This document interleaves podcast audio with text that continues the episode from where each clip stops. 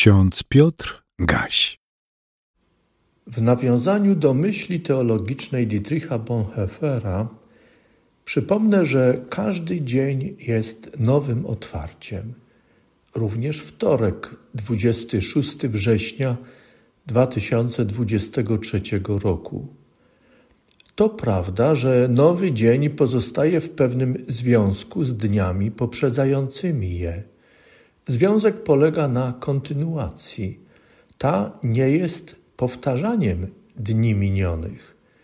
Kontynuacja to tworzenie dalszego ciągu czegoś, ale tworzenie w nowym czasie i już w innej przestrzeni. Roztropność twórczej aktywności podpowiada sens korzystania z zebranych wcześniej doświadczeń, bo właśnie tak możemy iść i tworzyć rzeczy lepsze. O takiej kontynuacji myślimy, kiedy stajemy do nowego dnia, nowego otwarcia. W nowym dniu przeszłość nie powinna nas trapić, bo jest objęta Bożą łaską, łaską przebaczenia i pojednania. Zaś martwienie się o przyszłość jest sprzeczne z Ewangelią. Przecież wiemy, że przyszłość w ziemskiej perspektywie jest zawsze czymś wyobrażonym, naszkicowanym ludzkim marzeniem i życzeniem. Natomiast ludzkie analizy dotyczące przyszłości, w których zostały zdefiniowane stałe i zmienne, w których wskazano na związane z nimi ryzyka i zalecono przygotowanie odpowiednich zabezpieczeń, te wszystkie kroki podjęte w ludzkiej mądrości, w naszych ludzkich analizach nie zmieniają tego, że przyszłość pozostaje aż i jednocześnie tylko czymś wyobrażonym i naszkicowanym w ludzkim marzeniu i życzeniu. W liście Jakuba znajdujemy roztropne wskazanie. Zacytuję je. Posłuchajcie teraz wy, którzy mówicie, dziś albo jutro udamy się do tego oto miasta. Spędzimy tam rok, będziemy handlować i osiągniemy zyski, a nie macie pojęcia, co przyniesie w waszym życiu dzień jutrzejszy. Jesteście bowiem jak para, która pojawia się na krótko, a następnie znika. Zamiast tego mówcie, jeżeli Pan zechce i będziemy żyli, to uczynimy to czy tamto. Tyle cytatu z listy Jakuba. Otrzymaliśmy nowy dzień, aby się radować, a nie bez końca martwić. Gdyby jednak ciężar zmartwienia był silniejszy od radości nowego dnia i radości z tego, co nam przynosi, posłuchajmy wyznania śpiewającego Psalm 31.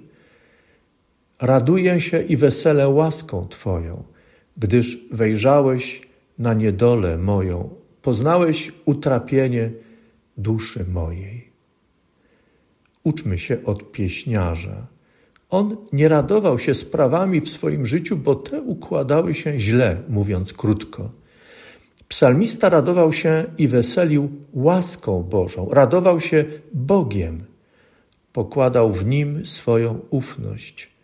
Był pewien, że nie ma takiej sprawy i sytuacji, przez którą musiałby iść sam. Wiedział, że przejdzie przez najtrudniejsze sprawy i sytuacje bo Bóg go przeprowadzi. Odwołując się do swoich przeżyć, do przeżyć z Bogiem, psalmista zachęcał, zacytuję: Zwróć ku mnie swoje ucho, ocal mnie czym prędzej. Bądź mi skałą obronną, warownią, w której ocaleję. Ty jesteś moją opoką i twierdzą. Kieruj mnie i prowadź przez wzgląd na Twoje imię. Uwolnij mnie z sieci na, zastawionej na mnie, bo Ty jesteś ucieczką. Twoje ręce powierzam mojego ducha, bo Ty mnie wybawiłeś, Panie, wierny Boże. Bądźcie mocni. Niech Wasze serca będą niezłomne, Wy wszyscy, którzy ufacie Panu. Tak śpiewał psalmista i tak śpiewali wszyscy, którzy jego słowami opowiadali o swoich doświadczeniach z Bogiem. Jeśli słuchacie tego rozmyślania, to niewątpliwie macie powody do dziękowania Bogu. On was prowadził i przeprowadził. Dlaczego dzisiaj miałby was opuścić? Jakie są powody, dla których Pan miałby nas kiedykolwiek opuścić? Pomyślmy, jak bardzo ranimy Boga swoim wątpieniem w Jego wierną miłość wobec każdej i każdego z nas.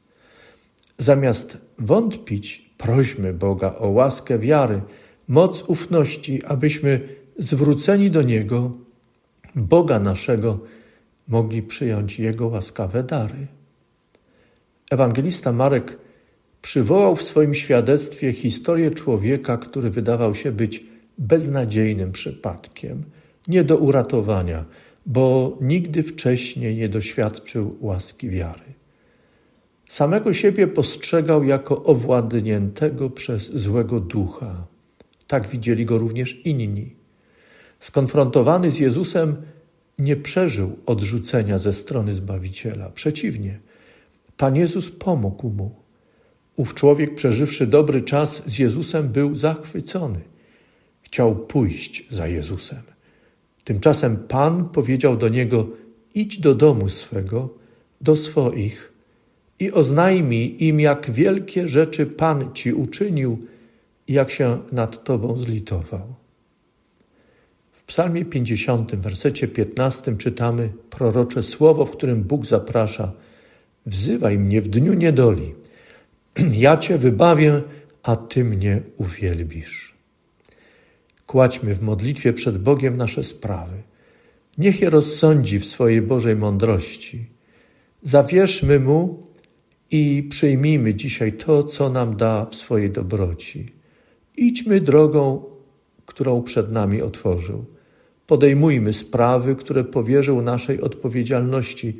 Prośmy o siły, mądrość i cierpliwość w dbaniu o powierzone nam zadania i nie zapominajmy Mu dziękować, wielbić Go, począwszy od naszego domu.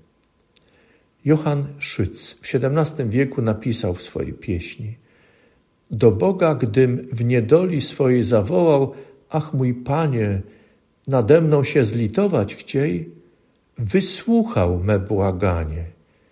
Więc dzięki Boże składam Ci po wszystkie życia mego dni. Cześć, cześć naszemu Bogu. Amen.